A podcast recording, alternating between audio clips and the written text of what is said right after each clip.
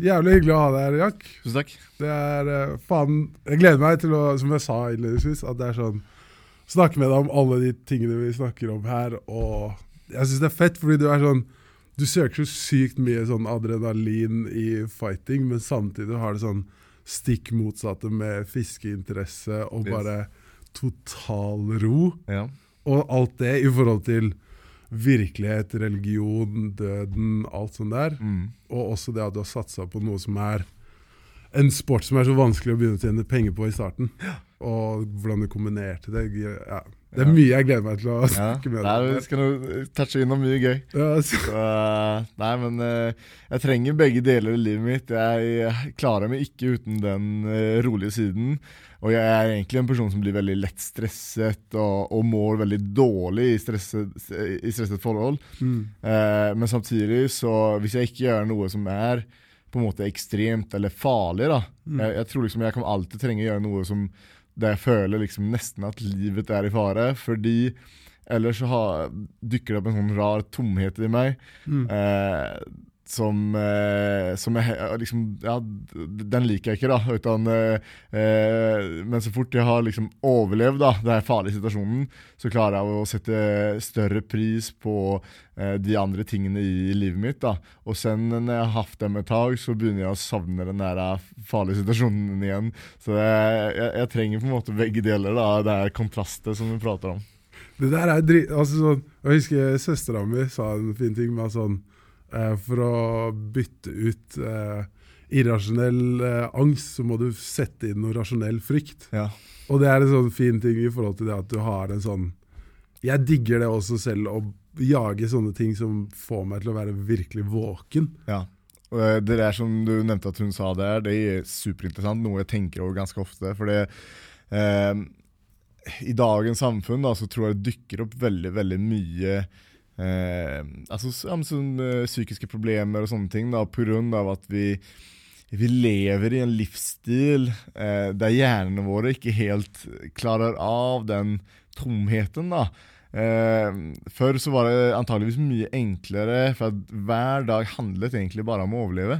Eh, det var det man gjorde. Konstant var ute og eh, hadde sine oppgaver. Det, det var liksom ikke noe, noe rare greier, utan hele tiden handlet det om å skaffe mat, overleve dagen, holde seg unna farer og osv. Og, Og, og jeg tror at eh, i dagens samfunn, der vi lever på en veldig annerledes måte, der vi har så utrolig mye mer tid og, og, ja, å tenke på og sånn, da, så er det lettere at, eh, at angst og sånne saker eh, finner sin vei til oss. Ja, det er, ja, det er dritsært, fordi det, sånn, det føles som hjernen bare løper løpsk fordi Mm. man ikke har noe å sette fokus på. Det er derfor som jeg tror liksom at altså, Prøve å finne noe som føles meningsfullt. da Og eh, de fleste ting som føles meningsfullt, er utfordringer. Ikke sant? Det er når vi klarer å eh, ja, tøffe ting eller utfordrende ting, det er da vi mår som best. Når vi har, har, har klart det. ikke sant? Så eh, man må nå sette seg i eh, ja, utfordrende situasjoner for å, for å må bra, tror jeg. Jeg, jeg føler Det kom, det er jævlig legit, for jeg føler du er en jævlig lykkelig person. For Jeg, sånn, ja, jeg ser deg sånn Generelt sett virker du ekstremt glad. da. Ja, det, altså jeg, jeg er vel på en måte det. eh, og jeg føler ofte at jeg At jeg må være det, ikke sant? For, fordi nå Altså, nå har jeg et liv som jeg ønsker meg, da. Akkurat det jeg vil ha. Og, og da skal man være lykkelig, skal man ikke det? Eh, og eh, det må man selvfølgelig minne seg selv på og hele tiden. og, og Eh, og prøve å ikke minst tenke tilbake til stunder i livet ditt hvor du kanskje ikke har vært like lykkelig, da, eh, for å sette pris på det. Men mennesker er sånn at vi, vi venner, så, venner oss kjemperaskt til nye ting. Og eh, et godt, eh, et- godt liv er, er eh, blir fort hverdag, da. Eh, og da så kan du plutselig føle deg Eh, ja, kanskje ikke like ulykkelig, men, men eh, eh, ja, det, det er ikke alltid du mår bra likevel. Da. Eh, og, men jeg prøver ofte å reflektere over ting jeg har gått igjennom osv. For, å- for å prøve å sette pris på, på det jeg har. Da. Eh, og, men ja, jeg, jeg, jeg tenker mye på sånne ting. Ja, det, men det er jo en sær ting, for det er nesten verre enn når du har noe eksternt å skylde det på. Da er det sånn «Nei, faen, jeg har penger, jeg har Ja. Bra dame, jeg har ditt, jeg har datt, og du har liksom så mye. Ja. Og så kommer den tomheten du snakker om som innimellom bare Ja. Hei, hei, jeg har ikke glemt deg. Ikke jeg sant? har vært med deg Den- siden du ble født. Liksom. Ikke Man bare faen, nå har det ikke noe å si. Ah, jeg, jeg må bare ditt og datt, så kommer jeg til å ha det bra. Ja. Det er rart, det der. Altså. Ja. For jeg jeg syns det er dritdigg sånn sett. Sånn, eh, bare det å ha satt i gang med sånn å drive med kampsport på hobbybasis. Mm. At det er så fett fordi du har Du må være totalt til stede. ja. Det er ikke rom for å tenke på en eneste annen ting. Da får du en uh, fot på skinnen. Mm. Absolutt. Ja. Jo, men det er det. Og, og eh, der og da så, så er det kun det som, som er i hodet ditt, og, og det er jo meditativt på, på sitt sett. Mm. Det er, hvordan faen eh, Jeg syns egentlig det er fett å, å bli kjent med deg litt gjennom sånn oppveksten og sånn. Absolutt. For, eh, som jeg nevnte før vi starta, er det sånn vi har, Jeg og familien har hatt eh, hytte i Grebbestad. Ja. Eller jeg og familien. Familien har hatt Jeg har Yes. ikke gjort en dritt for den hytta. Men at jeg har vokst opp mye annenhver helg der, Ja. og på en måte fikk den mye mer rolige vet ikke, rolige omgivelser, på en måte, og være mer i kontakt med natur Mm. enn man gjerne er når man vokser opp midt i en by. da.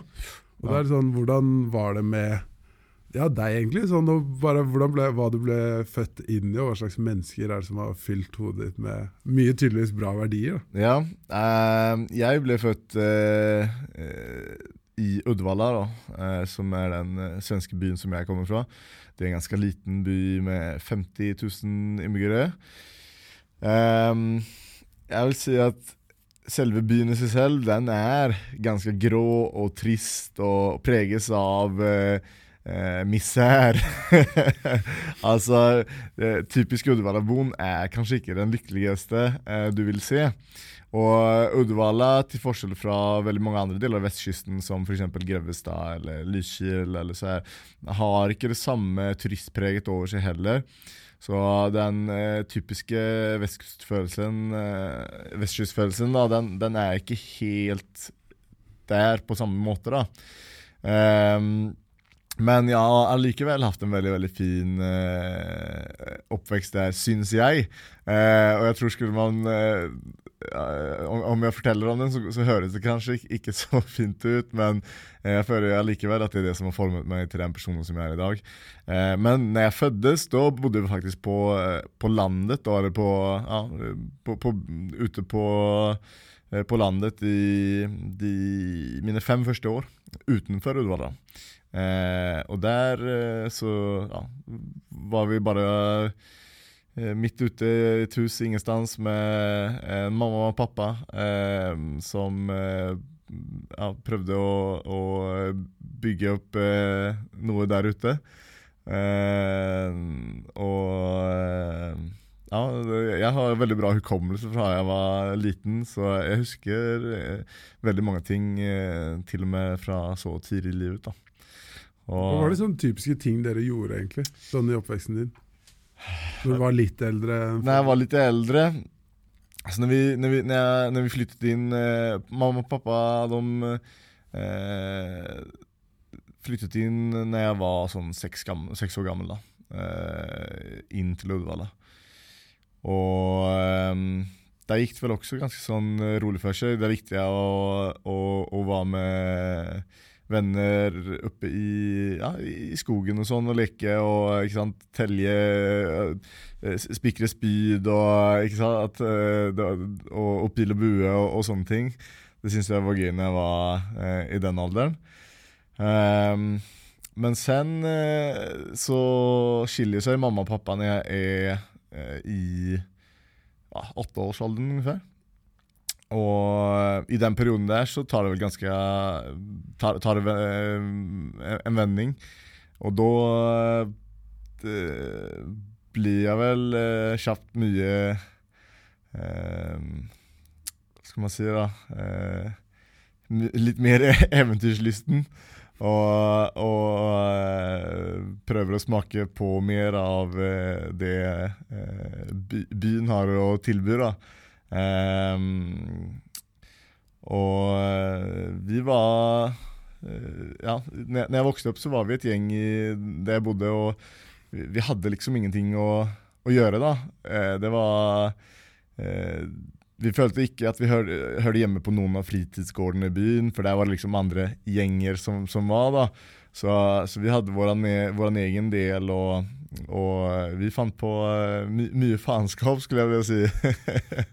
så um, st større deler av oppvoksten min så, så, handlet det egentlig bare om å, å ja, fylle ut det her fritiden med, med noe. Og, og, det var jo som regel eh, ja, å, finne på faenskap. Eh, derimellom da, så, så, drev jeg med litt eh, bryting, heldigvis. Da, så jeg hadde en, en, en, idrett med meg også.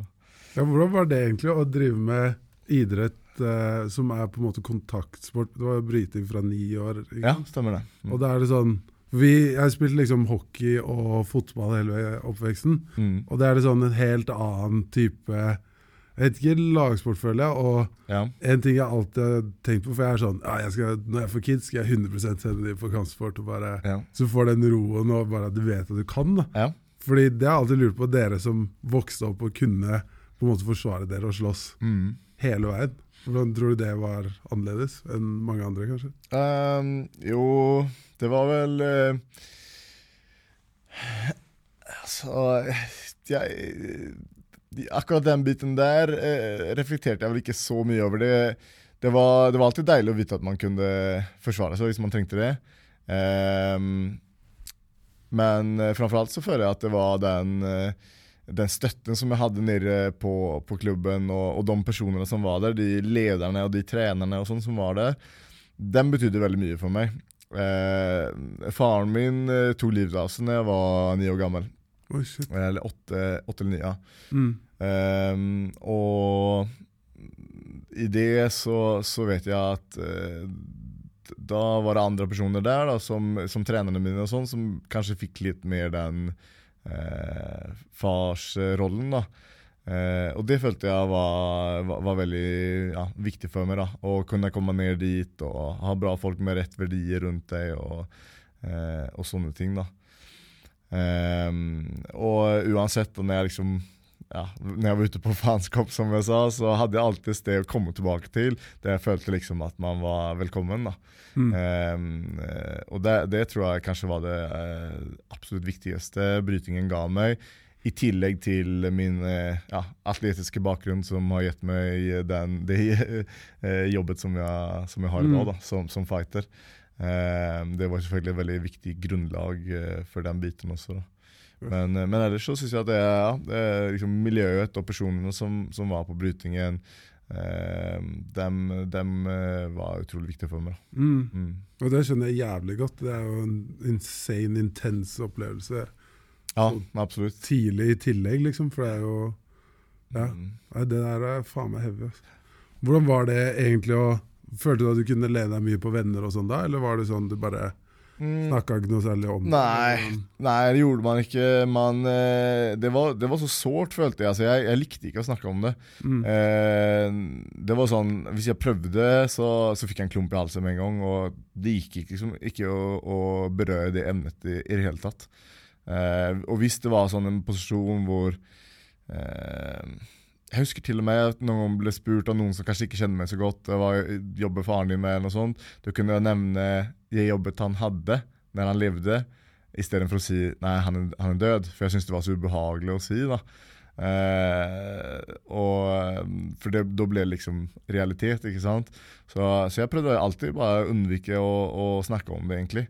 Og, og, det, og, det, var under mange mange år, under hele oppveksten min. egentlig. Det er første når jeg har blitt voksen, som jeg føler at det er greit å snakke om. Eh, så det var, det var, veldig veldig sårt, egentlig. Eh, så, ja, så det er så jeg husker. Mm. Hvordan var det med søsknene dine? Fordi du er en av seks. Ja. Snakka dere internt om det, eller var det um, det, det, var ikke like sårt å ta det opp, men, men det var veldig lite vi, vi, snakket veldig veldig lite om det, egentlig.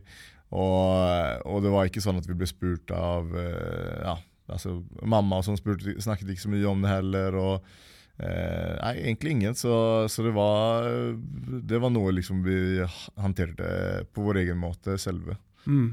Så, mm. Men følte dere at, følte dere at dere kom ut som en enhet, på en måte? Sånn dere Ja. ble enda tightere og sånn? Ja, jeg føler at jeg og søsknene mine ble veldig tighte, selv om vi var altså det var, det, det var jo mye krangler og sånt, og mye slåsskamper og mye, mye ja, det, det skjer mye når man er veldig mange på, på liten plass i en leilighet og har en mor som så vidt klarer å, å henge med det. Så, eh, men vi var likevel tighte, og vi har veldig godt eh, forhold i dag òg, så, så jeg føler liksom at eh, ja, jeg er utrolig takknemlig for at jeg har så mange søsken. det, ja, virkelig. Og, eh, og min nærmeste bror, vi var jo som, ja, som bestevenner eh, under hele oppveksten også. da. Og eh, spenderte utrolig mye tid fritid, på fritiden sammen og sånn. Hyggelig. Mm. Ja, det er faen meg nice. Hvordan var det på skolen og sånn? Hvordan var det i klasserom og Eh, jeg var vel en eh, Altså, jeg har egentlig alltid vært sjenert eh, og, og ikke spesielt eh, Ja, men, men jeg, jeg har ikke likt at jeg er det, på en måte. Så jeg har prøvd å være utadvendt, hvis du skjønner hva jeg mener. da Påtvunget ut, utadvendt. Uh, så jeg prøvde vel ofte å liksom skape og få oppmerksomhet og, og, og uh, var litt sånn høylydd og, og uh, Ja. Å lage liksom At det skjer ting rundt meg, da. Eh, det, prøvde jeg ofte å gjøre i, i, i klassen og i skolen og, og sånn, da. Eh, mens jeg egentlig var, altså, følte meg veldig, som en veldig sjenert eh, type. da. Så, men jeg tror alltid liksom jeg har kriget imot det og prøvd å skape ja, oppmerksomhet og, og tvinge meg selv til å være utadvendt. Og det har blitt eh, veldig mye bedre på. Eh, ikke minst gjennom eh, ja, den karrieren som jeg har fått. og sånn da, så, så nå føler jeg liksom at jeg eh, ja, Nå føles det ikke påtvunget ut lenger. Så det er bra.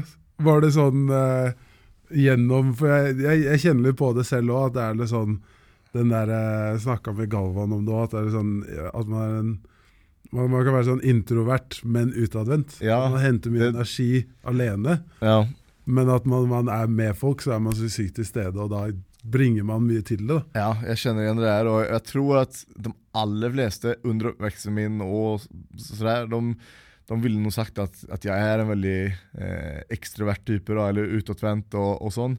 Eh, mens jeg vet at jeg trives veldig godt alene. Og jeg eh, har eh, Altså, jeg, jeg liker ikke å være for mye sosial, da. Eh, jeg liker å være sosial, men i, i korte, korte omganger og med få mennesker. Eh, så å dra på store fester eller ja, der det skjer ting med mye folk, og der man snakker snakke med mange, det er ikke stedet jeg egentlig trives. Eh, så, så sånn er det. Det er jo dritchill eh, når du på en måte kommer helt til toppen og slipper å dra en sånn John Jones. Ja, ja. gå fullt ut bare Hei, alle sammen! Yeah, the life of the party! La, Ja. ikke sant. Og at du faktisk har mye bra Hva skal jeg si, et bra grunnlag da, Ja. i deg selv. Og det er jo Jeg skjønner jo nå også litt hva du mener med at man kan hente så mye glede Mm. ut fra Det var et eller annet dikt jeg leste for lenge siden som han beskrev det som at jo mer på en måte tårer du har grått, Mm. så blir du på en måte Du graver en dypere og dypere brønn i deg, så du kan fylle med solskinn og glede. Ja, det er, det er smart. Jeg, jeg tror virkelig på det. Det er Ja, som sagt, jeg, jeg henter ofte energi eller eh, motivasjon eller hva man skal kalle det. Jeg, jeg henter takknemlighet, kan jeg si. Det er det jeg må kalle det. For jeg, jeg, som sagt, når, når jeg føler at eh, nå, er det litt, nå er det litt vanskelig, nå er det litt jobbig, eh, da, da, da tenker jeg at nei, faen, hva, du, det du har gått igjennom, det her er ingenting, liksom. Du har det så jævla bra, så bare eh, ja, ta, ta og tenk på det litt, så, så, så må du plutselig litt bedre. Ja. Den er faen meg jeg, jeg føler det. altså. Jeg begynner å scratche litt nå. Ja. Mannen bak eh, den derre Jack Hermansson i anførselstegn, liksom. Fett, altså. Hvordan er det nå med relasjonene dine? Hvem er det du bruker mye tid med? og sånn? Eh, Søsknene tenker så på, eller? Eh, generelt sett, Ah, av mennesker. så- fordi det er litt sånn Ja.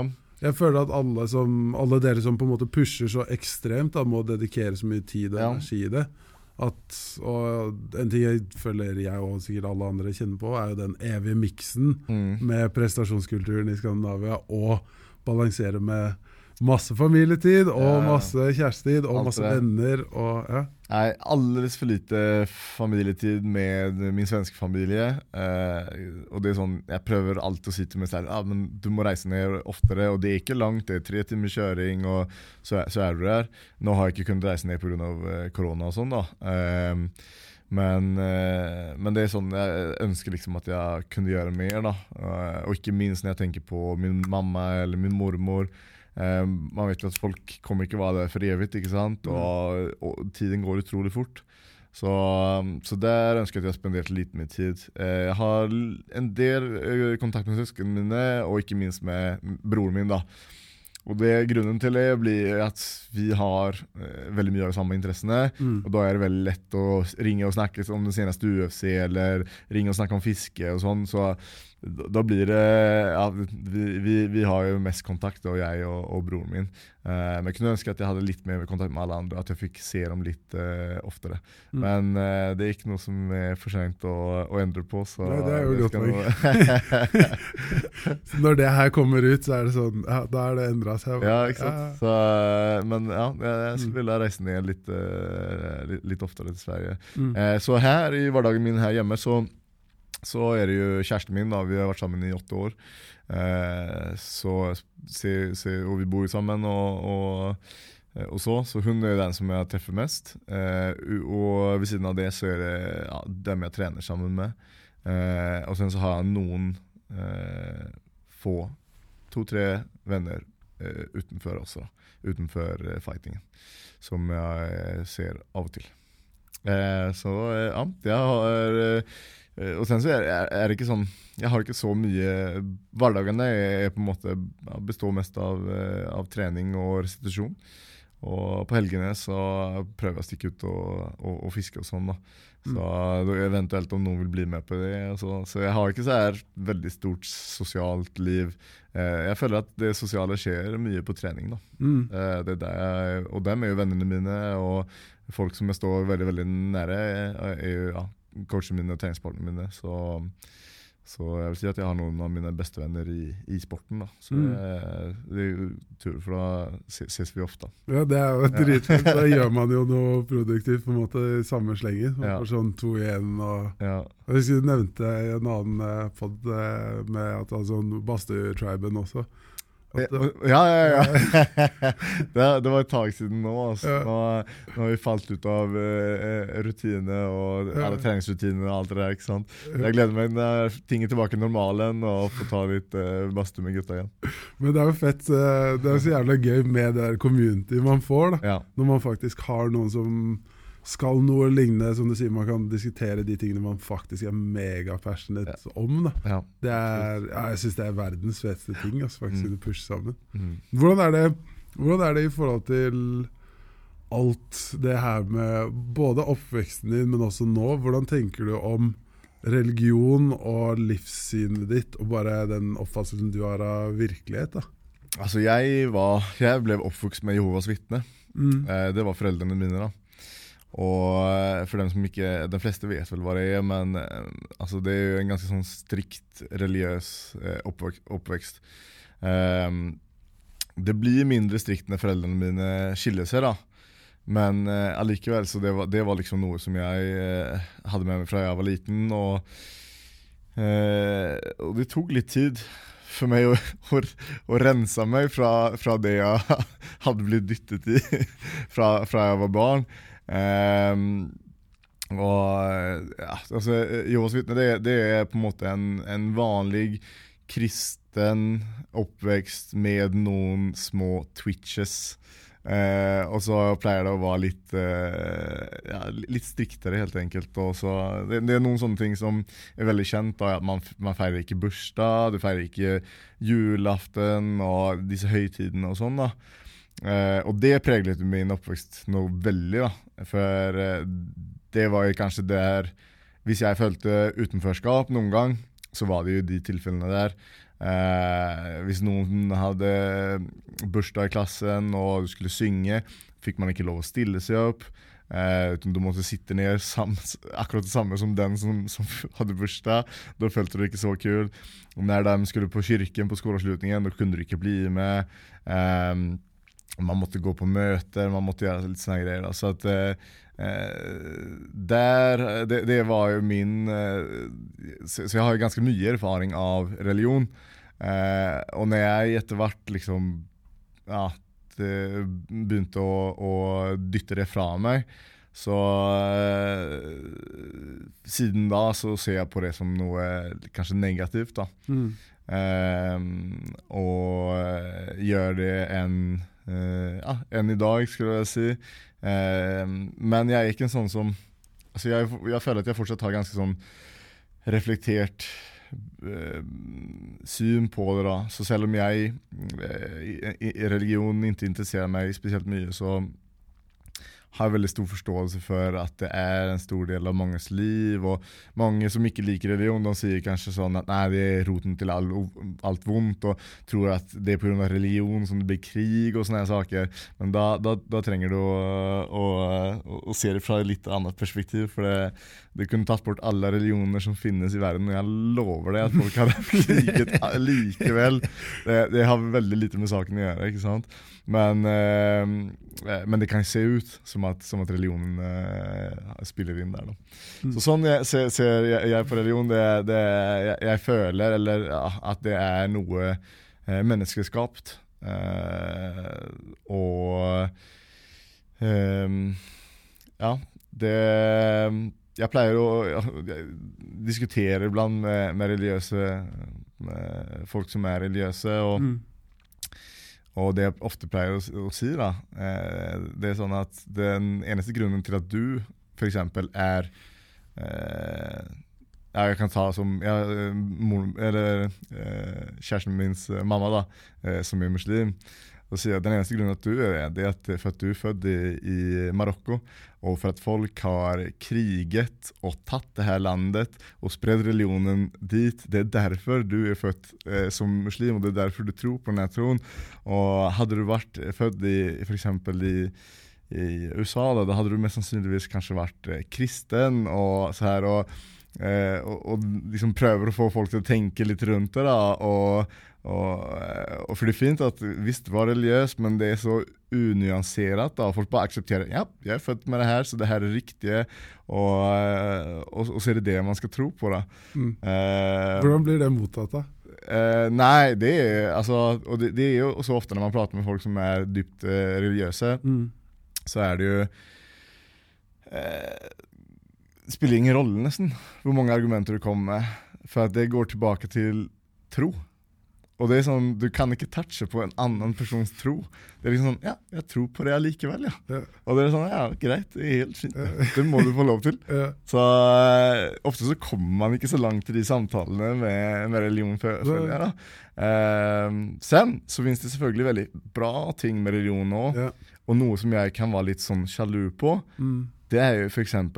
måten de kan bruke det i tøffe situasjoner, eller døden eller sånne ting, da, hvor deilig det har vært. Jeg tenker iblant faen, Tenk så deilig om jeg kunne tro på, på det, og at jeg liksom, liksom, inne i mitt hjerte trodde at jeg skulle leve i et paradis etter at denne eh, tiden var over, eller at jeg skulle få møte folk som jeg mister, ikke sant, mm. eh, og få møte dem igjen.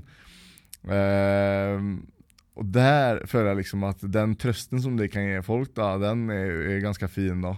Eh, og et, et, bra verktøy for veldig mange så, og, som hjelper folk å takle, takle sånne utfordringer som vi mm. får i livet. da.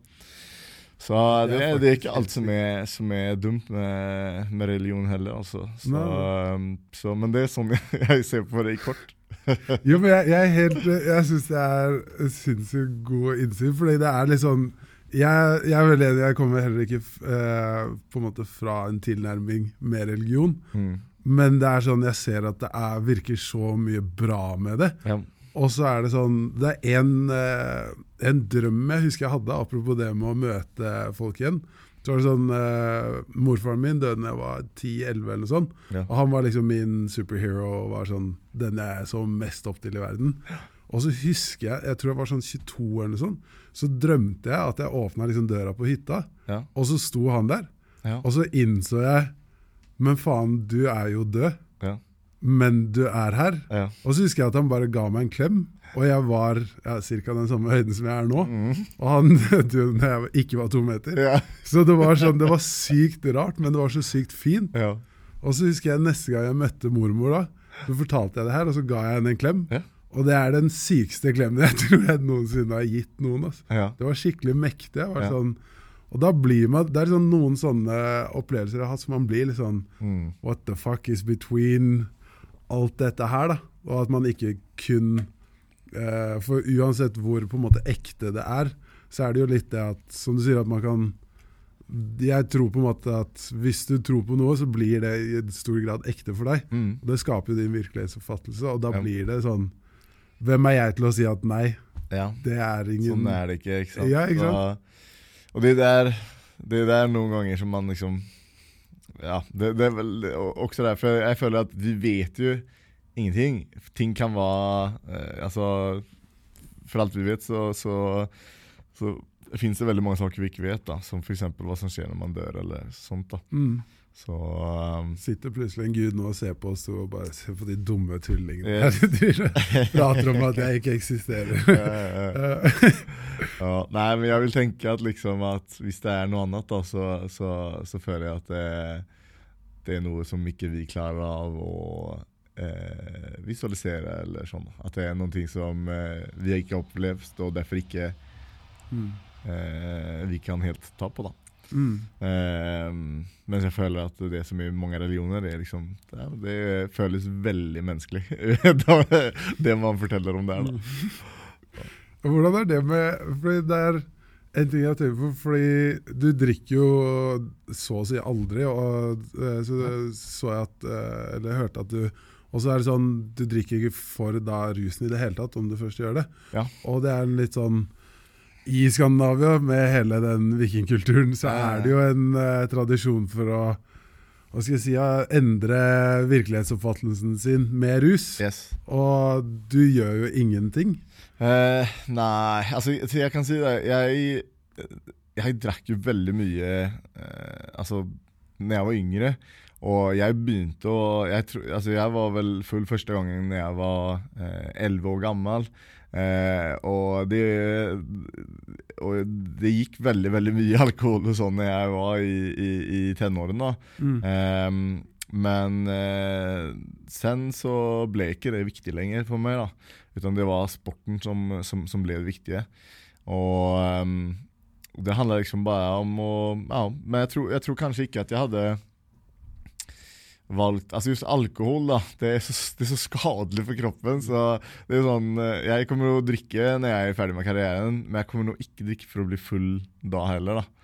Eh, så eh, Nei, det, det, eh, det, det Nei, jeg er ferdig på en måte med, med, med å drikke meg full. Ja, ja. ja for det er det sånn, jeg merker Jeg drikker Jeg tror jeg drikker ti ganger på fire år, eller noe sånt. Ja, Og det er sånn eh, Nå drakk jeg i går. Ja. Eh, apropos bursdag, så er jeg bursdag i dag. ja Så vi feira, takk. Vi feira litt i går, da.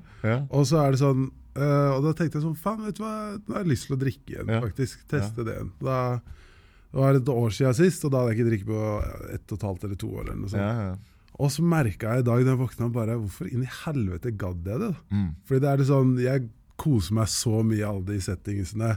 Med, jeg drikker mye alkoholfri øl, og Ja. litt i samme for å ha noe annen ja. smak og en annen assosiasjon. ja. Jeg drikker masse alkoholfri øl. Ja, fy faen, altså. Jeg, jeg, jeg. hva liker du den eh, Hva heter den? Eh, IPA fruktig fra Ås, eller hva er? Har du smakt den eller? testa. Den er god, ass. Den må du prøve. Det er nesten så jeg har tatt sånn harrytur til Sverige, fordi på Ja. Systembolaget så er det så mye mer. ja, ja, det er sant. det. Ja, ja. Det er dritnice, men da er det sånn For jeg tenker litt på det de periodene hvor jeg da ikke har gjort noe, så er det en litt sånn rar ting jeg savner å resette litt. da Ja. Og det ikke å ha noe annet. Og så hørte jeg da at du hadde testa Wim Hof-metoden, og der har du jo en helt annen ting igjen som ja, endrer litt virkelighetsoppfattelse. ja, definitivt. Altså, eh, Wim Hof, der kan du hvis du kjører på noen bra runder med det, så er du plutselig et rus da. så det, det, er, det, det, er kult, altså. Det, Wim Hof er noe som jeg har lyst til å eksperimentere mer med. Men det krever mye òg. Det, det, er ikke lett. Og det høres veldig lett ut å bare puste, men det, du må liksom gjøre en god innsats da, for å få ut mye ut av det. da. Så da må du liksom sette ned, ta din tid og så fokusere da, på, på, å gjøre det. Og da kan du få mye ut av det, tror jeg. Så uh, Wim Hof-metoden, det, det, er kult. Har sagt at du har hallusinert på det. Ja, ja. Jeg har aldri testa det. så det er, ja. Nei, nei, definitivt. Altså, jeg hadde, og ikke bare hallusinerte, men jeg hadde en sånn, jeg var jo på et sånt seminar da, hvor med mange, mange runder, og du ligger i en stor gruppe da, og, og, puster. Og til slutt så Nei, jeg, jeg, fikk en sånn syk følelse hvor jeg bare følte meg så sinnssykt lett, altså. Som jeg nesten svever overfor bakken, da. Og jeg tror jeg tror faktisk at det er den mest avslappede tilstanden jeg har befunnet meg i noen ganger. Eh, altså Det var helt utrolig. Jeg kunne ønske at jeg kunne ligge kvar der for evig. Altså, så deilig. Eh, eh, ja, det, det, var en helt utrolig følelse. da Så um, Sånn du sampla Nirvana? Ja, ja. Det var det. Var det. Nei, helt fantastisk. Så eh, det er kult at det går an å, å eh, gjøre noe sånt gjennom å bare puste. Ja, det er faktisk helt insane. Altså. Og det er Faen, men hva tenker du om hele sånn Ja, det med virkelighet, men så at det skal avsluttes òg. Ja. Fordi det er jo den At vi kan leke oss med det og endre sinnet og tenke på hvordan vi oppfatter alt dette her. Mm. Men så skal jo da i tillegg alt ta slutt. Hvor, ja. hvor gammel var du på en måte når du innså at du selv skulle det? Um jeg vet ikke, men det var sånn eh, Tilbake til religion, da. Jeg ble jo uh, lurt, holdt jeg på å si. Jeg ble jo fortalt at jeg skulle komme til paradis ikke sant? Uh, når jeg døde. Og Det var det jeg fikk lære meg fra da jeg var liten. Og det tok ganske lang tid før jeg skjønte at nei, faen Eller før jeg I hvert fall før at jeg mm. skjønte at nei, det skal du ikke. Du skal dø som alle andre og bare forsvinne og sånn, da. Og jeg husker ikke, men det var sånn Når du blir oppdratt da i, i en religion, så da begynner du kanskje å leke med tanken litt og smake på det litt. og bare, faen, Er det virkelig sånn, eller er det ikke sånn? Og så eh, sakte, men sikkert så liksom faller over på den andre siden, og, å, og, det begynner å bli din overtygelse, og at du tror på det. og eh, Jeg vet ikke helt hvilken alder som jeg bestemte meg for at bare, nei, Sånn er det ikke. Nå er det nok. Eh, for jeg husker at selv når jeg hadde på en måte sluttet å, å, tro på det, så hvis jeg var i noen sånn veldig tøff situasjon, eller sånt, og jeg følte liksom jeg trengte hjelp, da kunne jeg få for meg å be til Gud. Eh, og sånn OK, slapp av, Gud. Eh, jeg, jeg, bare kødda. Jeg, jeg, tror på deg, og nå må du hjelpe meg her. Og, ikke sant? Var, så, sånne samtaler hadde jeg liksom med han. Bare så jeg bare jeg beklager, jeg er tilbake, og, og nå ligger jeg jævlig tynt an her, så nå, nå trenger jeg hjelp. så, men eh, ja, plutselig da så tok jeg ikke den uh, samtalen med han igjen. Da hadde jeg lagt på telefonen for alltid. Og uh, jeg vet ikke helt når det var, men uh, jeg vet at når jeg begynte i ungdomsskolen, da var jeg vel Da følte jeg meg ganske ferdig med det. Mm. Så, og da begynte jeg vel Jeg vet ikke, Da hadde jeg ikke plaget med den tanken så mye. så jeg tenkte ikke så mye på, over det da heller. Men eh, i voksen alder så har jeg tenkt på det mye. Mm. Eh, og jeg har vært veldig ukomfortabel med det. Um, men så er jeg litt sånn rar, for at jeg, om, i tidligere perioder jeg har hatt det jævla dårlig, da Da er det sånn at jeg kan lengte til døden. Mm. Og sen neste dag så kan jeg nesten ha dødsangst. Mm. Jeg, og det er sånn, Jeg blir ikke klok på meg selv. For jeg bare, hva faen, Plutselig en dag vil du dø, andre dagen så er du livredd for det. Og, og i perioder så har jeg syntes at det har vært helt altså virkelig, virkelig vanskelig da, å tenke på, på døden. Mm. Fordi, og det er ikke minst når jeg har det bra. For når jeg, når jeg føler liksom at livet er på topp, at allting er helt sinnssykt fett, og bare, da vil jeg ikke at det skal ta slut, ikke sant? Mm. Men når jeg har det riktig jævla dåligt, da er det sånn, da, da gidder jeg ikke. ikke sant? Så at eh, mitt eh, humør og, og, hvordan mitt liv ser ut akkurat eh, nå, det er det som avgjør egentlig mitt forhold til, til døden. Um, når det gjelder meg selv. Men sen så tenker jeg på det veldig veldig ofte i forhold til at jeg ja, tapper folk som jeg elsker. Og sånn da. Og, og det syns jeg altså, det, jeg, jeg, kan ikke beskrive hvor jævlig jeg syns det er. Og jeg finner Jeg har veldig vanskelig å finne trøst eh, kring det. Eh, jeg prøver liksom å tenke at ah, det, altså, alle som lever, har egentlig veldig veldig flaks. Fordi det er sånn utrolig liten sannsynlighet at akkurat du skulle få, uh, få tid på jorden å, å leve. ikke sant? Uh, så Derfor så, så, så, burde vi liksom være, være fornøyde med det og, og, føle oss heldige. ikke sant? Og det er greit det, hvis du taper noen, for dem, dem har også liksom, de har hatt et liv og så der, da. Men uh, ja jeg klarer ikke helt av å, å legge fra meg at det er helt jævlig å miste, miste mennesker. da, Og vite at du skal faktisk aldri få, få se dem igjen. da. Uh, så det, det syns jeg er, tøft, og uh, ja, noe jeg tenker ofte på, faktisk. Mm. For det er En ting jeg syns er rart, er at vi snakker så sykt lite om det. Mm. Og det var litt sånn Hvorfor jeg på en måte begynte Nå er det kanskje nesten ti og ja, åtte år siden, eller sånn, ja. så begynte jeg å researche litt om islam og sånn. Ja. For jeg var litt sånn Hva går mye av det ut på? Jeg fant egentlig mye fine ting om det. da. Ja. Og da var det en ting som jeg mener at jeg leste, skal jeg ikke si det sikkert, men at profeten Mohammed hadde snakka om døden hver dag.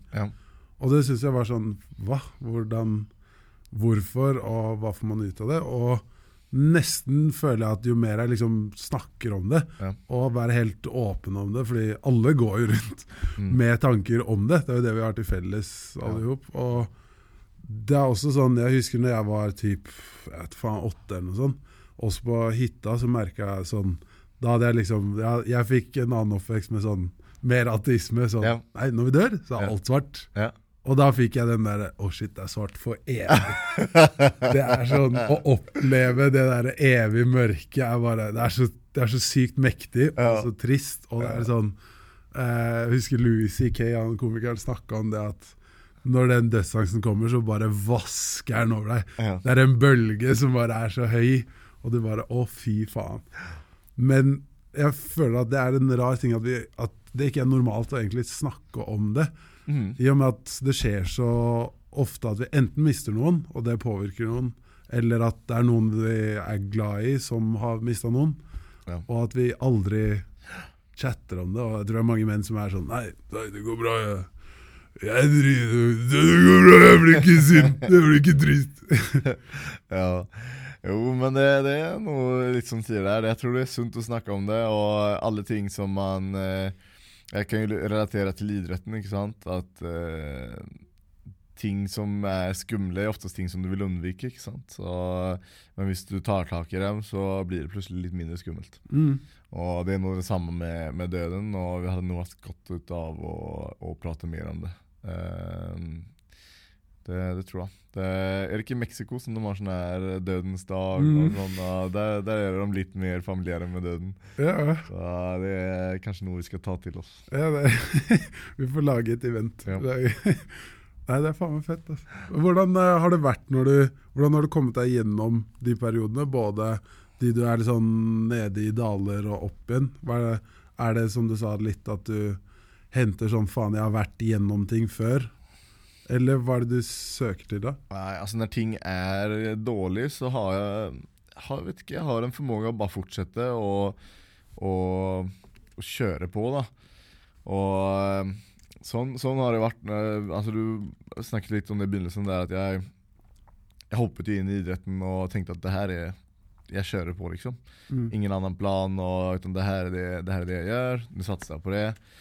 Og det ledde til et ekstremt uglamorøst liv. Eh, hvor jeg altså, har vært utrolig fattig da, i veldig veldig mange år. Økonomisk fattig. Og, eh, og når, når, du er det, så da, da, blir ting veldig veldig tøft eh, ofte. da, og, og, når du er i, i, i sånne perioder, så, eh, så prøver jeg egentlig bare å tenke at jeg har ingen annen valg enn å bare eksistere og ta meg gjennom dagen. Og bare finne meg i det, egentlig. Og mm, det fins tider der jeg har vært nærme å, å gi opp, da. Eh, men eh, så du finner du plutselig en annen tanke og tenker nei, det bare kjør på. Og så går tiden, og så hvis du kjemper og kriger på, så kommer gode saker til deg til slutt, da. Det, det, det var en lang vei, men, men eh, nå ser det bra. Ja. Hvor mange år var det du følte at du liksom krigde der? Mange, altså. Det er Nei eh, Altså, jeg kom jo til eh, Norge i 2000 eh, Hva var det? Mm, eller noe sånt. Og jeg kom jo pga. at det var veldig dårlige forhold, arbeidsforhold og sånt i Sverige. Det, jeg klarte ikke å få, få jobb, og var, ja, bare måtte dra. Og f- fikk en mulighet til å, til å jobbe i Norge, da. Og um, første gangen så når jeg, når jeg reiste hit, da, da gikk det ganske greit. For da fikk jeg bo hjemme hos foreldrene til en kompis av meg. Og det var også den, hun ene der, da, moren til han, som hadde fikset mitt første jobb i Norge. Um, og da fikk jeg, jeg ble kjørt til, til jobbet, og fikk eh, jobbe, og så fikk jeg bo hos dem og sånn, da. Og da var, gikk det egentlig helt fint. Um, men så savnet jeg Sverige, så etter seks måneder med det, så flyttet jeg hjem igjen. Og prøvde på nytt i Sverige. Finne jobb. Fant ingen jobb. Gikk til svenske Nav, da, sosialen. Um, sa hei, jeg har ingen penger, jeg har inget jobb. uh, hva skal jeg gjøre? Og, sånn, jeg, jeg trenger penger. Liksom. Jeg bor hos broren min, jeg har ikke penger til mat, jeg har ingenting. Uh, og de sa liksom Nei, men du jobbet jo i Norge her for et tak siden. Uh, vi syns at dine penger skal fortsatt rekke. Så jeg ba, ja, men jeg har ingen penger igjen. Jeg ba, nei, det var det. Så jeg fikk ingenting ut av dem. Og der under den perioden, da hadde jeg liksom begynt å eh, forsørge meg på eh, ikke lovlige måter. Og eh, da var det litt sånn OK, faen, skal jeg fortsette å kjøre her nå? Inn, inn på den veien, eller skal vi finne på noe her? Og da får jeg eh, et spørsmål av eh, kompisen min som er, er fra Norge, da, eh, om jeg ville komme og ha et intervju på Dyrebutikken i Sandvika Storsenter. Og eh, så sa jeg ja, faen, jeg hadde ikke lyst til å flytte opp igjen, men da tenkte jeg ok, greit, jeg stikker opp. Og da stikker jeg opp. Eh, og da var det sånn på den tiden der, da var det altså at bare få råd til 120 kroner til bussbilletten til Norge, liksom, det var, det var vanskelig, ikke sant? Eh, men jeg har kommet opp, og jeg får eh, gjort en intervju, og på vei ned igjen så får jeg samtale fra Dubviken bare 'Du har fått jobben'. Og da var det sånn OK, shit, hva skal jeg gjøre nå? Eh, og heldigvis hadde jeg da noen kompiser i Oslo som eh, eh, leide en leilighet. Så jeg fikk på en måte flytte inn i et kollektiv med dem. Det var tre stykker i en leilighet. Og så fikk jeg begynne på den dubutikken som deltid. Og når du flytter til et, til et nytt land, og du skal begynne som deltid eh, og, og det var ikke ens deltid, faktisk, det var ekstrahjelp. Så det var sånn ja, Jeg fikk jobbe tre dager, sen så visste ante jeg ikke når jeg skulle jobbe neste gang. ikke sant? Så det var sånn, jeg fikk ut eh, eh, 1500 kroner første lønn. ikke sant? Ingen penger på lomma til mat, ingenting, altså. Er null på kontot, ingen foreldre som kan hjelpe meg, jeg har, jeg har ingenting. Og, og da var det sånn, måtte jeg bare gi bort de 1500 til leie, og så manglet det fortsatt 1500 til, til leie. Mm. Og det sånn, altså, hva skal man gjøre? Så det var sånn, jeg fikk prøve å liksom pante litt burker, og så fikk jeg gå og kjøpe meg en stor pose billig ris, og så litt tunfisk. Og så, ja, denne historien har jeg dratt før, og var han, han vi leide av, eh, han hadde eh, lemnet mange sånne flasker med olivenolje som sto i leiligheten. Og da så var det på en måte For at jeg skulle få i meg litt ekstra kalorier, så prøvde jeg liksom å helle masse olje på maten hver dag for å klare av å eh, Ja, for å spise da og få i meg ekstra kalorier. da Så, så dårlig var det under en periode. Eh, og så sakte, men sikkert så krøp jeg meg oppover stigen, da. Men det var mange år der det var utrolig tøft. Og eh, jeg husker en annen gang så var det sånn Da fikk jeg muligheten Eller da sa jeg til noen jeg kjente da på klubben bare, ja, faen, jeg, jeg trenger eh, eh, jeg trenger et jobb, og det var en som hadde vekterfirma da, eh, og jobba som vakt. For jeg ville jo ikke gi opp treningen. da, det var det som var, Jeg elsket jo treningen mm. og ville fortsette med den. Ellers kunne jeg bare søkt jobb som en gal og funnet noe heltidsjobb og så bare ja. droppet det. Men det var ikke det jeg ville gjøre. og, og jeg var på en måte ikke fornøyd med og, og, jeg tenkte skal jeg, skal jeg flytte opp til Norge igjen, da skal jeg i hvert fall begynne å trene igjen der. Og det var det som motiverte meg på en måte da, til å gjøre det. Og ja, øh, igjen da, tilbake til den storyen. Han øh, sa at jo, men du kan få et øh, jobbjack, men har du rent rulleblad og sånn, da? Og hadde jeg en sånn, vært med i en sånn Det var en slåsskamp i skolen en gang som hadde ledd til en sak og den hang fortsatt over meg, så jeg kunne ikke få sånn vekter Nei, jeg, Nei, jeg fikk ikke det.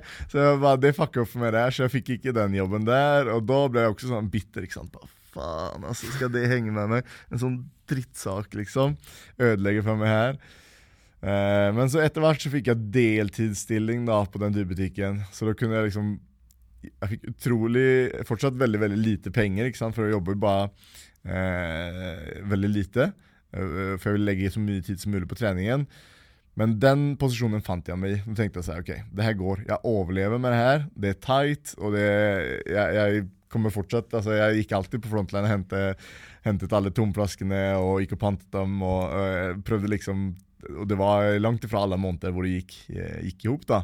Men, men, i nesten alle år så, så, så var det sånn fram til 2016, da jeg fikk UFC-kontakt, nesten. Å, fy faen. Um, så, så, det var liksom tight, tight hele ve uh, veien, egentlig. Um, så, så um, Er det her The Scandinavian Dream, eller? Ja, det er det. Så det var, det var sånn, det var bare hardt arbeid, lite penger uh, og mye trening. og så uh, etter hvert så, så gikk det.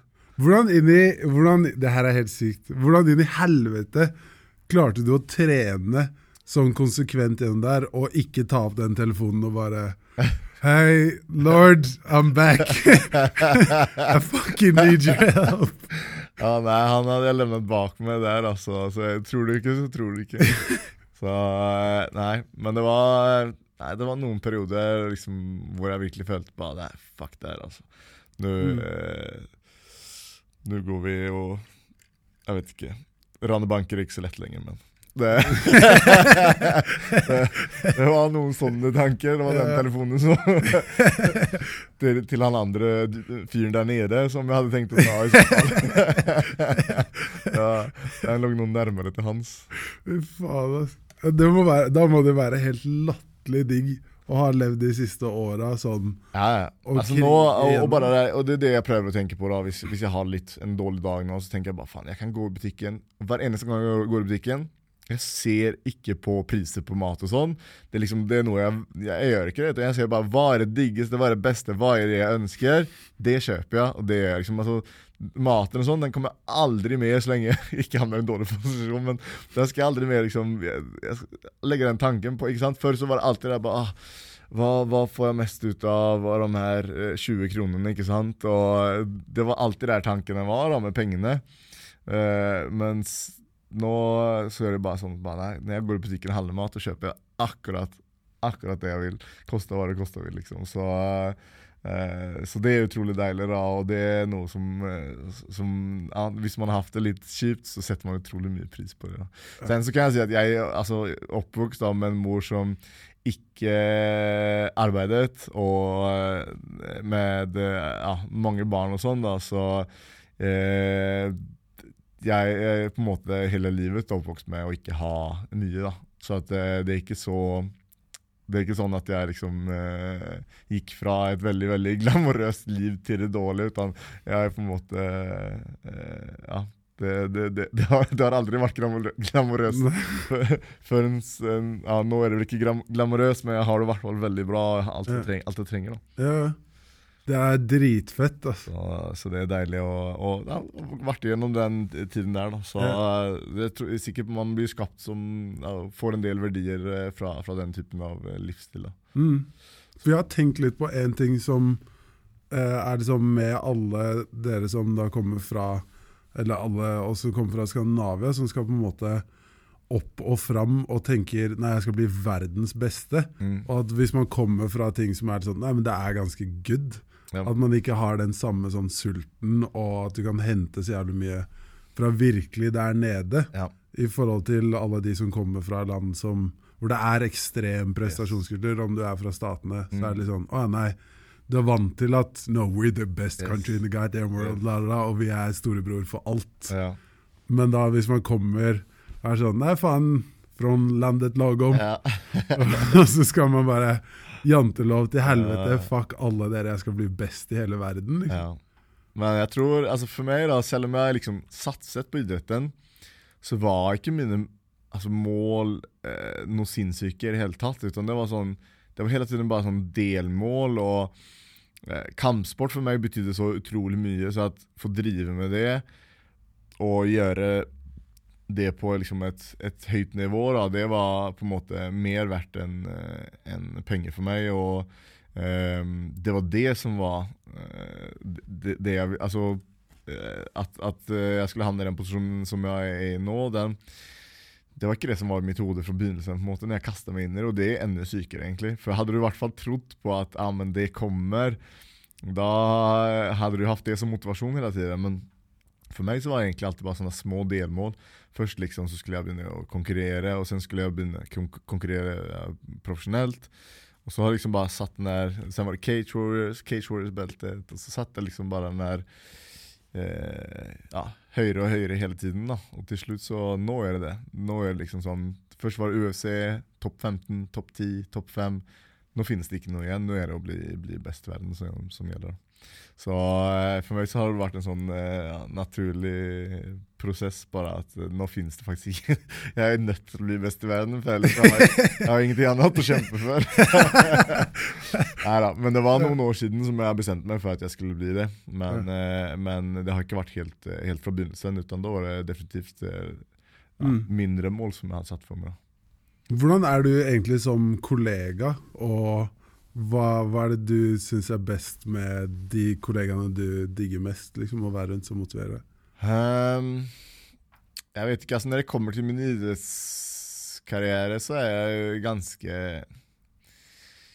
Altså Man tenker mye på seg selv, på en måte. Man er nødt til å gjøre det i, i sport. Mm. Um, men eh, jeg føler i hvert fall at jeg er en eh, eh, vennlig og hyggelig type. Eh, Og det er noe som jeg alltid liksom, Det er en sånn verdi som jeg har fått fram da jeg var, eh, når jeg var liten. da Og Mamma liksom alltid sagt at altså, du må alltid behandle andre mennesker bra, og, og, og den biten der. Og eh, og det føler jeg liksom at jeg lever opp til. da Jeg prøver alltid å, å møte alle med et smil og, og, eh, og være hyggelig. da Så det, det tror jeg folk oppfatter meg som en, som en hyggelig fyr.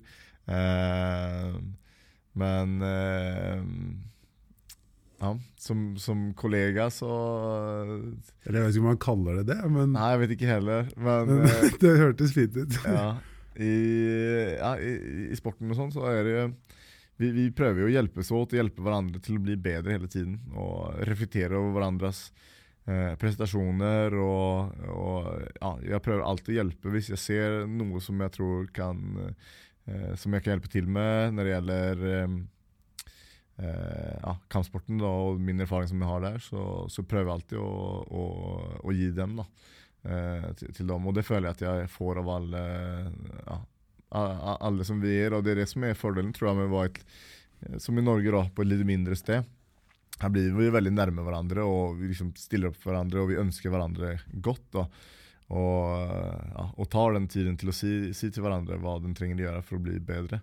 Eh, og det kanskje man ikke gjør på de aller, aller største gymmene på samme sett. Da.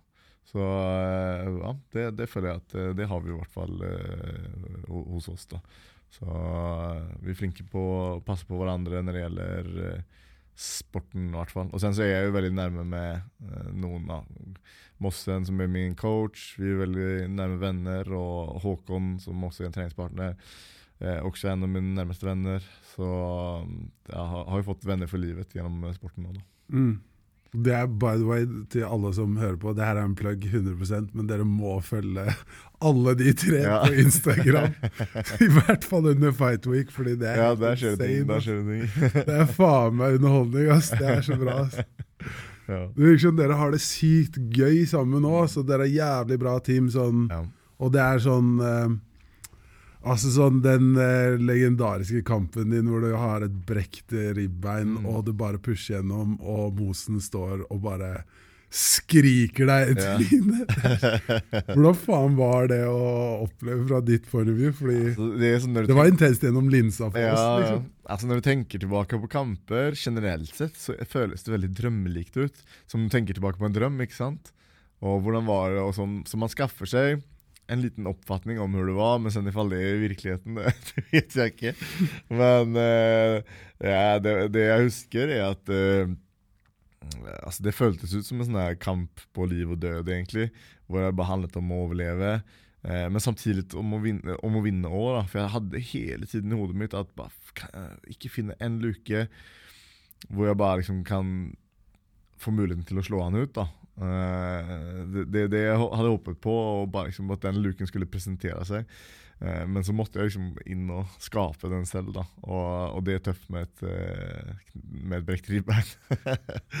så ja, det var spesielt, og, og jeg tror det var veldig viktig for meg der om ja, at coachen må være med på at du skal krige. Hvis, ser, liksom, hvis det er noe tvil i coachen, så er det fort at du også begynner å tvile på faen, er det her bra. liksom? Jeg kan punktere lungen min. ikke sant? De tankene kommer. Mm. Og um, skal jeg virkelig inn og krige og fortsette her nå, eller skal jeg stoppe liksom og si at nei, det er greit, ja, ribbeinet til er fakt, liksom. eh, men nei, coachen er der og, og pusher, og det, det er liksom noe som jeg alltid ønsker for min coach. da. Mm. Jeg håper at han alltid kommer å gjøre det, hvor ille den er. For jeg er sånn Jeg vil virkelig gi- alt der inne, da. Uansett hvor farlig det er, eller hvor, hvor ille det er. Så, så vil jeg liksom vite at det, det har, At absolutt ikke finnes noen som helst mulighet for at jeg kan snu det før, før jeg skal ut derifra. da Mm. um, men eh, det tror jeg at uh, ja, coachen min er, er, er på, på samme side der, så den kommer nå alltid å, å ja, pushe meg da, til, å, til å fortsette. Håper jeg. Lett, ass. Faen. Hvordan er det der med Vi har tenkt på det, det må være så annerledes for det der i forhold til ja, oss som ikke bruker Må ha en optimal kropp til enhver tid. Ja. Hvordan er det du på en måte gjør researchen din for å finne ut hva du syns er best for deg? Og, Altså, eller har du en veldig sånn maskintilnærming til kroppen, liksom? Ja, 100 altså. Ja. Det, altså man, man er så utrolig bevisst på kroppen sin som idrettsutøver. Det- Hver dag, hele tiden, egentlig, så skanner du den, skanner den, skanner den. Du tenker på det hele tiden. Og hvis jeg klager på noe med min kropp, så er det ikke fordi jeg syns det er kjipt at jeg har eh, vondt der eller der, utan det er fordi det påvirker min prestasjon. Det er det som er i hodet mitt hele tiden. Så hvis jeg ah, slår i fingeren min og forstuer det, ikke sant, så ah, det er vondt og sånn. Men eneste jeg tenker på, egentlig, det er bare ok, faen, kommer det her være problematisk i treningen? Og, og sånn da, når jeg har en strekk i, i ryggen, og jeg driter egentlig at jeg har en strekk i ryggen, det går helt fint, men det er sånn, faen, kommer det påvirke treningen? Kommer jeg liksom klare av å løfte der i morgen? Og, så som, alt som handler med kroppen da, er, er, går tilbake til treningen. Hvis jeg eh, får for lite søvn en dag, så eh, da går det liksom å kjøre hodet litt og bare faen, nå, helvete altså, nå, det her kommer påvirke treningen. Og, eh, så ja, allting jeg gjør egentlig, he, hele livet, som, som eh, du bare går hele tiden rundt og tenker og tenker og tenker på hvordan påvirker det kroppen min og, og, og treningen min. da. Det, det er der fokusen ligger. altså Konstant. da. Det er bare sånn eh, det, det har bare blitt en sånn eh, vane. da, så det, det, det er det man tenker på konstant, hele tiden. Eh, hvis jeg mister et måltid, så vet jeg ok, det har ikke optimal restitusjon innenfor neste økt. Og sånn da. Og de tingene der det er liksom, det som tvangstanker tvangstanke på en. Mm. Uh, og det Det kan jo være belastende, på en måte, men det, det er det som er en utrolig del av jobben som idrettsutøver. Det er at du skal optimalisere alt hele tiden. Da. Eh, og ja, Det var som i dag. Jeg liksom visste det at nei, men jeg kunne ikke komme en halvtime innan fordi jeg har hatt en økt. Jeg må spise før jeg kommer. Det, er ikke sant? Mm. Alle disse tingene her. Og det, det er så man gjør hele tiden. da. Alltid, alltid. Jeg kan ikke ta et intervju eh, for seint der, for da rekker jeg ikke det. For da blir det en halvtime mindre søvn. Mm. Det, de tingene der det er sånn som jeg aldri, aldri bøyer på. Det, jeg gjør ingen unntak når det gjelder ting som, eh, som kan påvirke ja, prestasjonen min eller kroppen min. Da. For det, det er det viktigste jeg har i, i, i denne karrieren. Mm. Så man, man blir, ja, Det er et veldig spesielt forhold til Ja, ja. kroppen. Ja, men for det var, I går så satt jeg mm, med noen kompiser, og så snakka vi om eh, avhengighet. Mm. Og det som er så rart, for det er sånn Jeg både sigga og snusa før, og ditt og datt. Så det er litt sånn ja, på en måte, Og det å slutte å drikke også er en sånn Man har brutt noen vaner som for min del i hvert fall var sånn Nå vil jeg ikke lenger. Og så snakka vi om det med folk som da slutter å snuse, Mm. men begynner igjen etter til og med åtte måneder, fire år. Jeg, jeg kan si det sånn her Jeg snuset før. Å ja, ok. Ja. Eh, og jeg snussugen. Jeg, jeg, nå når vi snakket om det, det bare kommer direkte. Altså. Jeg, altså, jeg elsker snus. Mm.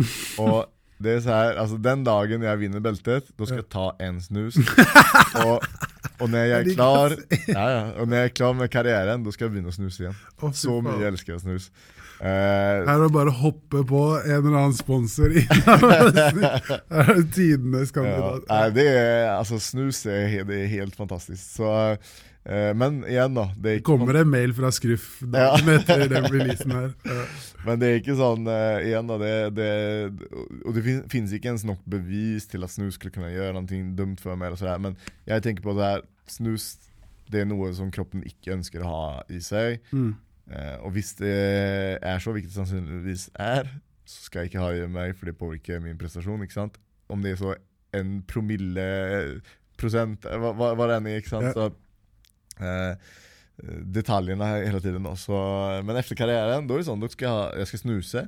Jeg skal antageligvis drikke litt Jeg sa det til kjæresten der om dagen. Jeg skal drikke whisky hver dag. Ja. Og eh, Mm. Ikke så jeg blir full igjen, Mm. ikke sant? men jeg skal faen meg ha den der hver dag, hver kveld. Så litt, litt skal jeg kjenne på den sånn Disse tingene som jeg, som jeg ikke gjør nå. Så det, det, det finnes en tid for dem òg, det, det kommer. Ja. Yes. Hva med Men mat var og du? sånn? Det er igjen å avbrøte deg. Nei, nei, nei, hva med mat og sånn?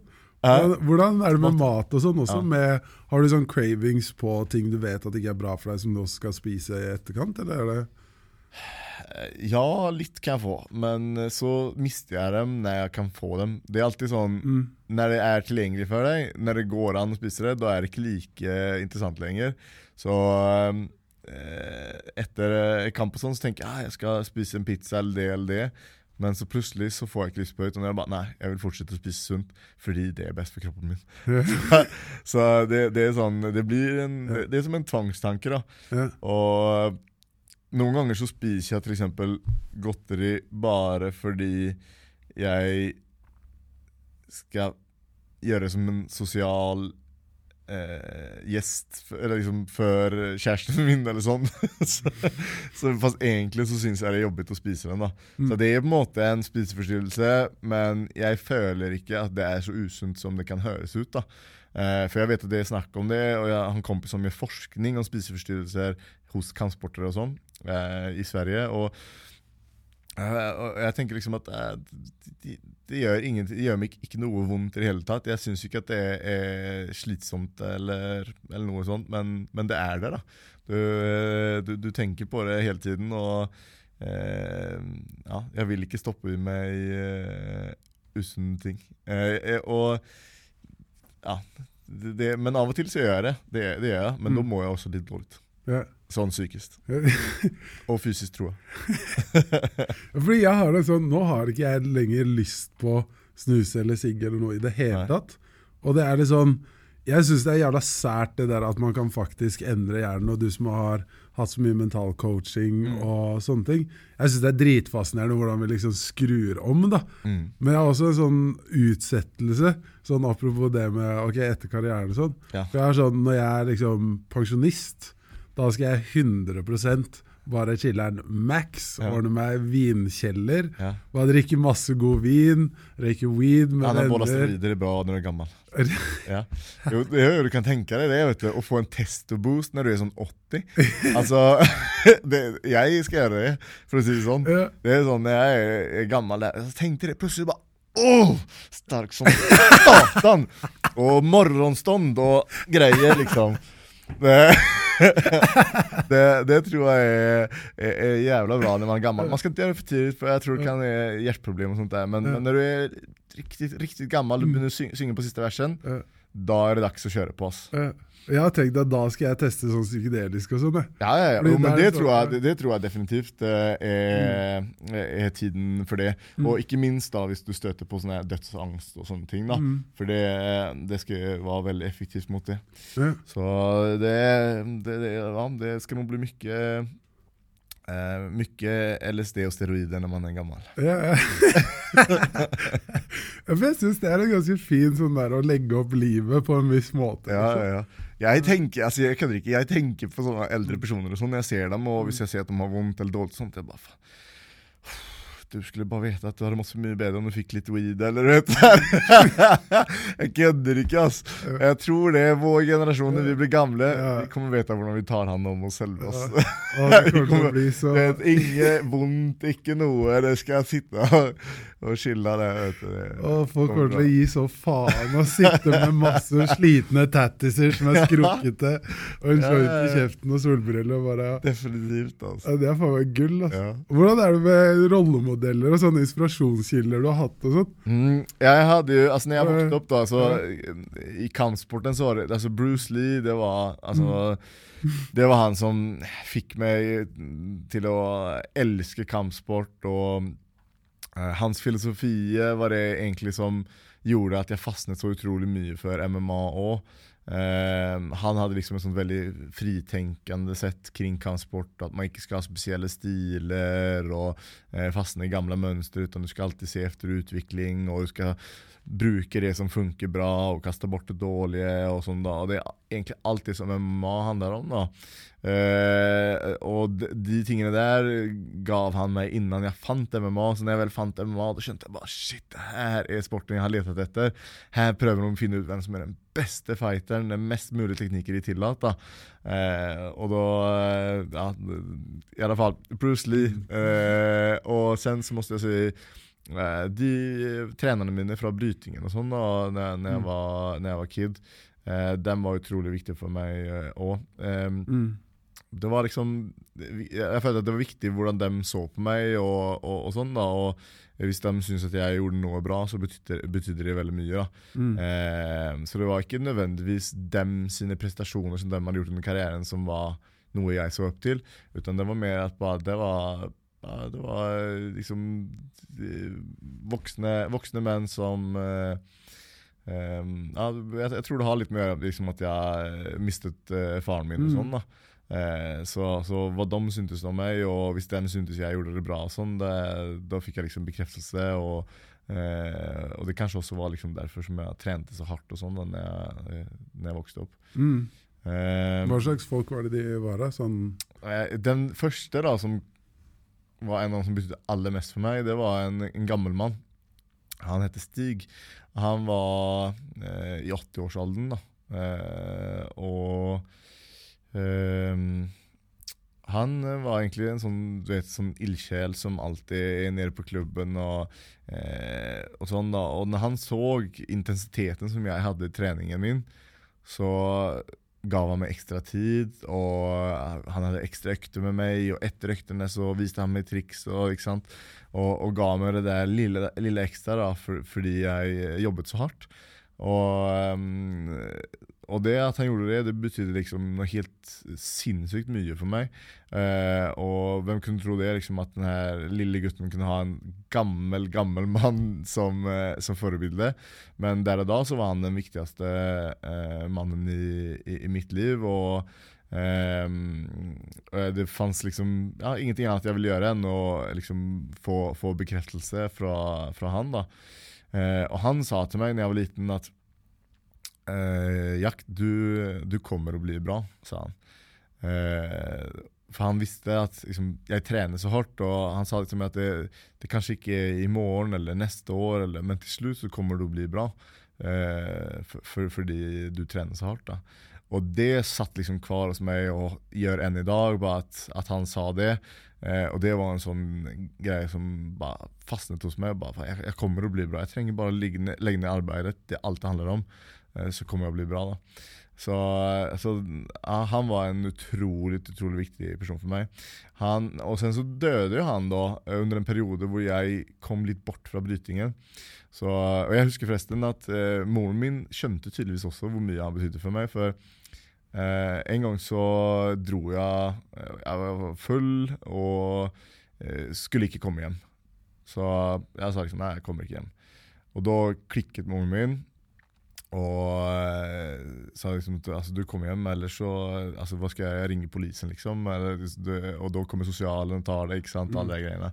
Uh, da får du ikke bo hjemme lenger, og så bla, bla. Mm. Så uh, Og jeg bare fuck it, jeg driter i det, liksom. Men plutselig så, så, ringer de igjen, da, og så tar telefonen. Og så er det faen meg Stig som ringer, vet du. og hun visste liksom at er det noen vet, altså, Han ringte. Da var sånn, Han bare 'Jack, hva, hva, gjør du?' Og jeg bare eh, 'Jeg vet ikke'. Og han bare 'Du kommer hjem'. OK. Klikk. Det var det, liksom. og det var, det var sånn som altså, Jeg ville ikke skuffe han, ikke sant. Så kom jeg hjem der øh, og sånn, og og så uh, tok han meg til siden der og spurte liksom hva du driver med. Og jeg bare jeg vet ikke. Og, uh, og sa han det at eh, du trenger ikke komme ned på brytingen om du ikke vil, men, men, du får gjerne lov å komme ned. Hvis du ikke vil, så kan du komme bort til meg, og så kan vi trene litt i mitt garasje. eller sånn. Han hadde noen vekter og sånne ting der. da. eller om du bare vil komme bort og prate, liksom, så, her, så kan du komme når du vil. Ja, tusen takk, sa jeg. Så, og jeg hadde egentlig litt lyst, og sånn, men jeg turte ikke jeg vet ikke hvorfor, men jeg turte ikke ringe han og, og komme bort. Og sånn da. Mm. Og så gikk tiden, og så eh, døde han. da, Og um, hans eh, barnebarn gikk i samme klasse som meg, og var veldig god kompis av meg. Og så kom han til skolen en gang husker jeg, og bare sa at du, Jack Stig, eh, han er dødt. Og jeg, da liksom kom den der eh, Akkurat som med pappa, ikke sant. Mm.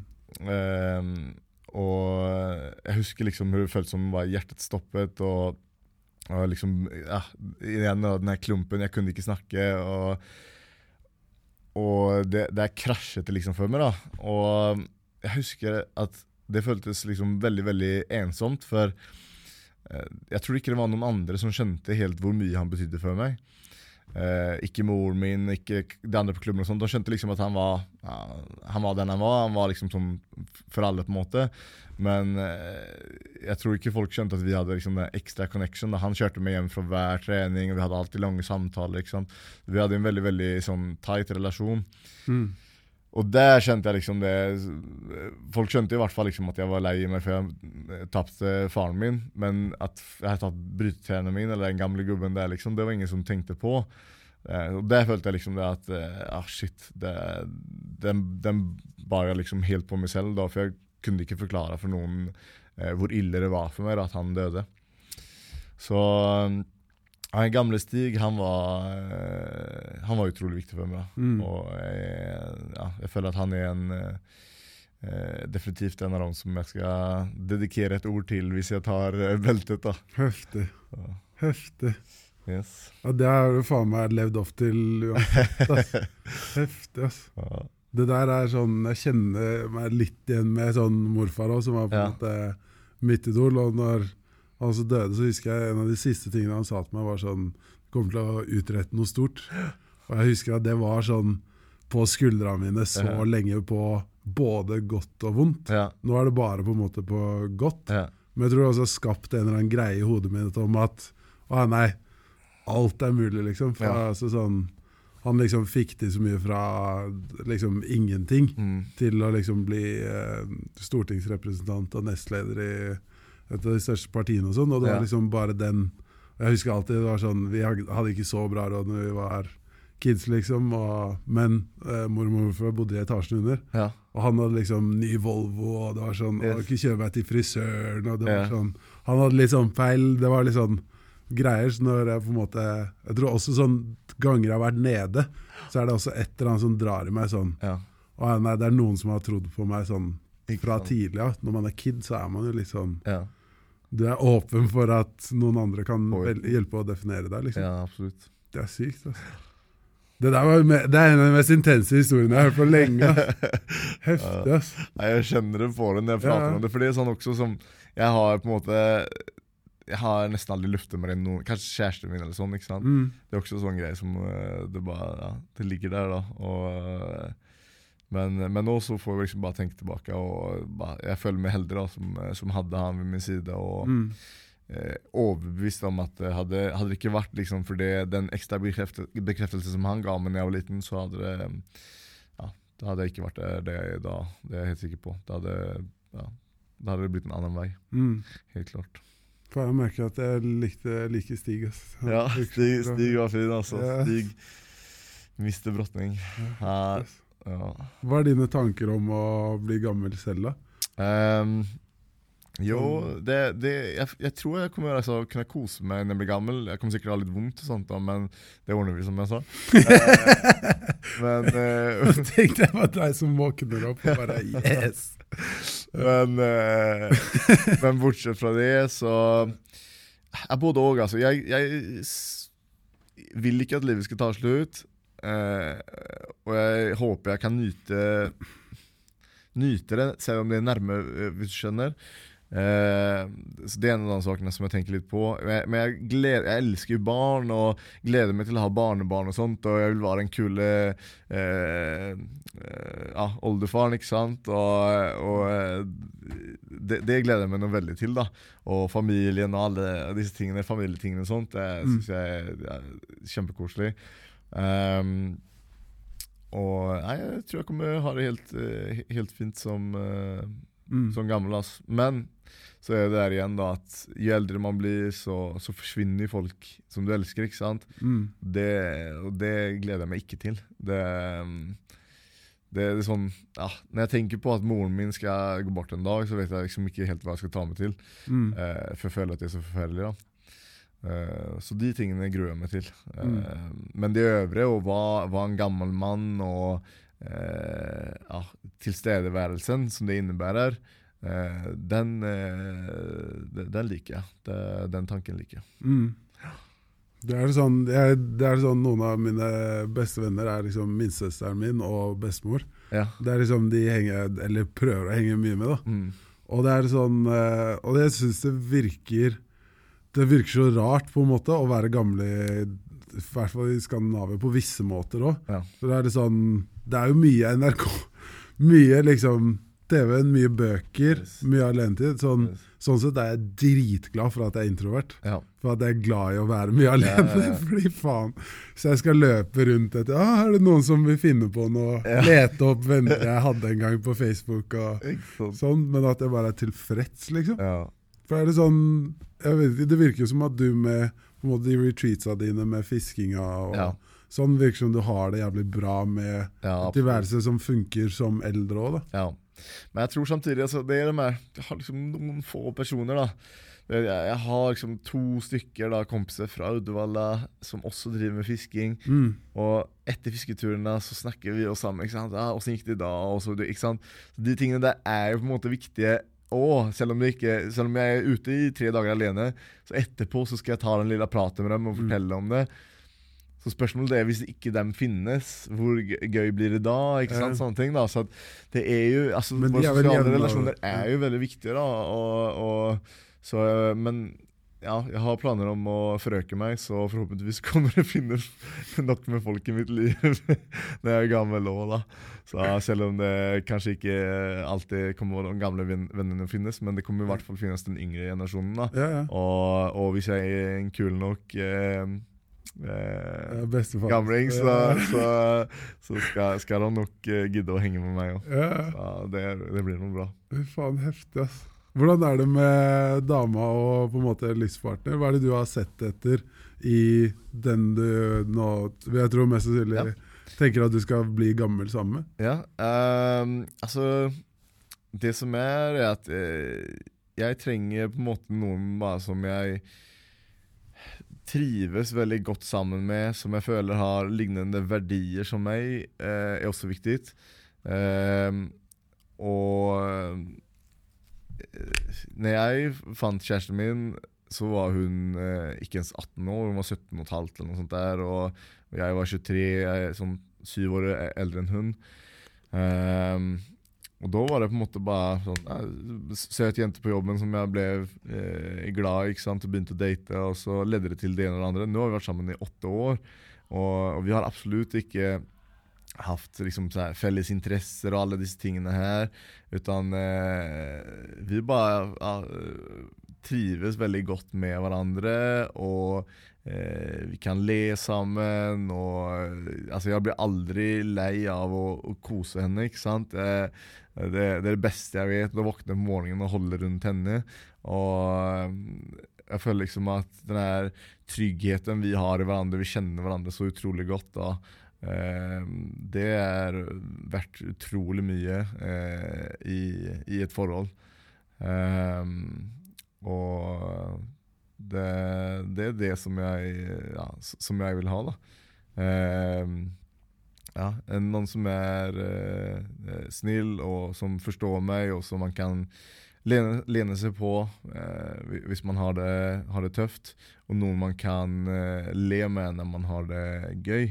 Mm. Eh, det, det, er det jeg vil ha. Liksom, at eh, mine glade stunder de blir gladere sammen med hun. Eh, og mine, mine, tøffe stunder blir litt enklere med hun. da. Eh, det, jeg tror det er de verdiene jeg ser hos i, i en partner. da. og sen så er hun ja, veldig fin òg. Så det er også et pluss. så ja, hun er gorgeous. Så det, det, det, er bra. Så hun har, eh, ja, hun har den, eh, den pakka som jeg sier. Fy faen, gull, altså. Siste spørsmål. Mm. Hva er viktig å få med seg i et livsløp? Um, altså Jeg tror at det viktigste du kan få med, med deg, er uh, kjærlighet. Og kjærlighet er uh, Ja, det er jo veldig subjektivt og et stort begrep, og, og så, men det handler egentlig om uh, dine relasjoner med dine nære og kjære. alt det andre kommer ikke å være verdt noe når du ligger der og er på vei bort fra det her livet. Da er det dine relasjoner med dine nære og kjære som kommer å bety noe for deg. Mm. Um, så å ta vare på dem, og skape gode relasjoner under, under sitt liv, og uh, ha fine stunder sammen med uh, folk du er glad i, uh, det tror jeg er det viktigste i, i, i livet. Og sen så tror jeg også at altså det, det å utforske og leve livet til, til sitt fulle, da, Eh, det gjør livet eh, rikere. Og så vis Kanskje mer verdt, jeg vet ikke. Men eh, det, det, det, det, er det jeg vil anbefale folk å gjøre, i hvert fall. Og ja, skaffe gode, gode relasjoner med, med, med, mennesker og familie. Og så ja, se til å, å få med deg litt av alt det verden har å by på. Den er eh, kanskje større enn hva, enn hva du tror. Mm. Fy faen. Jack, jævlig hyggelig. jo, i like måte. Konge. Ja.